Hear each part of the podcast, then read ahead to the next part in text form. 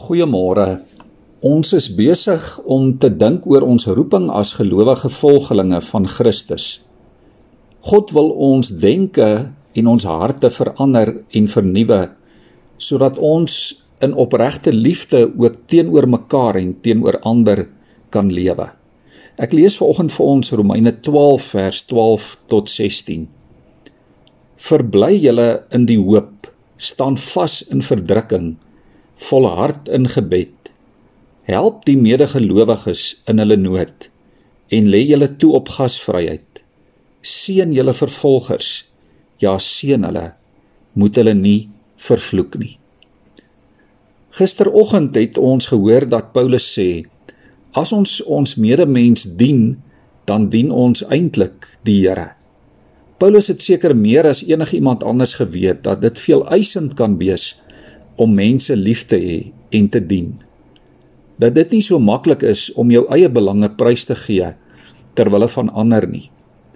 Paulus erken dat in hierdie proses waar ons die beginsels van God se koninkryk uitleef, ons ook vyande gaan maak. Nie almal gaan jou waardeer vir wie jy is of vir wat jy doen nie. Paulus sê daar is net een manier om te bly volhard om liefde te bewys aan ander. En dit is deur te bly hoop op God en om aan God vas te hou in gebed.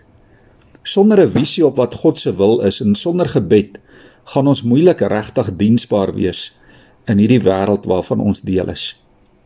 Dan gaan die druk en die las van liefde en om liefde te bewys vir ons te groot raak. Ons dink nie altyd so daaroor nie maar dit tap 'n mens emosioneel en geestelik en soms ook fisies om mense wat in nood is te help. Om hulle regtig te help. Om verhoudinge aan te knoop met die nederiges in die samelewing met siekes en boemelaars op straat en armes en gevangenes en weeskinders en mense wat regtig in nood is wat hulle self dalk nie kan help op alle vlakke van die lewe nie dit gaan jou iets kos. En om jou vervolgers te seën, ja daai ou wat die lewe doelbewus en onredelik ook vir jou moeilik maak. Dit tap jou emosioneel. Paulus sê ons kan dit net doen deur die hoop wat Christus ons gee en deur volharding in gebed. Ons kry in hierdie gedeelte ook die Griekse woord vir koinonia wat beteken om saam te wees en om deel te wees. En so liewe vriende, roep die evangelie van Jesus Christus vir jou en vir my om saam deel te wees en deel te neem aan die nood van medegelowiges. Dit is ten diepste wat die gemeenskap van die gelowiges beteken. En ons verstaan dit baie maklik verkeerd. Ons kan dink gemeenskap van gelowiges beteken byvoorbeeld lekker gesellige sosiale verkeer en geestelike genot en wat ek daaruit kan kry. Die ou Heidelbergse katekismes sê die gemeenskap van die gelowiges is dat elkeen verplig is om sy gawes gewillig en met vreugde tot nut en saligheid van ander lede aan te wend. Dit is eintlik aangrypend. Ons word as gelowiges geroep om te kies vir mense wat in nood is. Vir hulle wat nie regte het in die samelewing nie.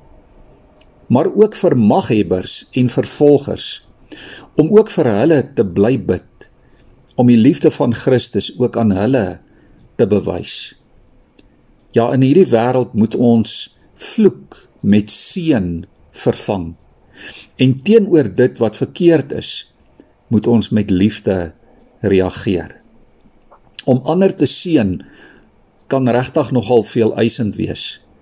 Maar dit is wat die Here van ons vra. En ons kan dit net doen as ons bly hoop en bly bid. Kom ons bid ook so saam. Here, vanmôre moet ons bely, dit is soms so dat die nood van die wêreld en die nood in mense se lewens vir ons net te veel en te groot is. Here ons gebed is dat U ons sal vergewe. waar ons ook dikwels leef asof die nood nie bestaan nie. Of wanneer ons voel ons kan dalk niks daaraan doen nie. Here help ons om mekaar te help en om mekaar lief te hê. Help ons Here om aan te hou hoop en bid.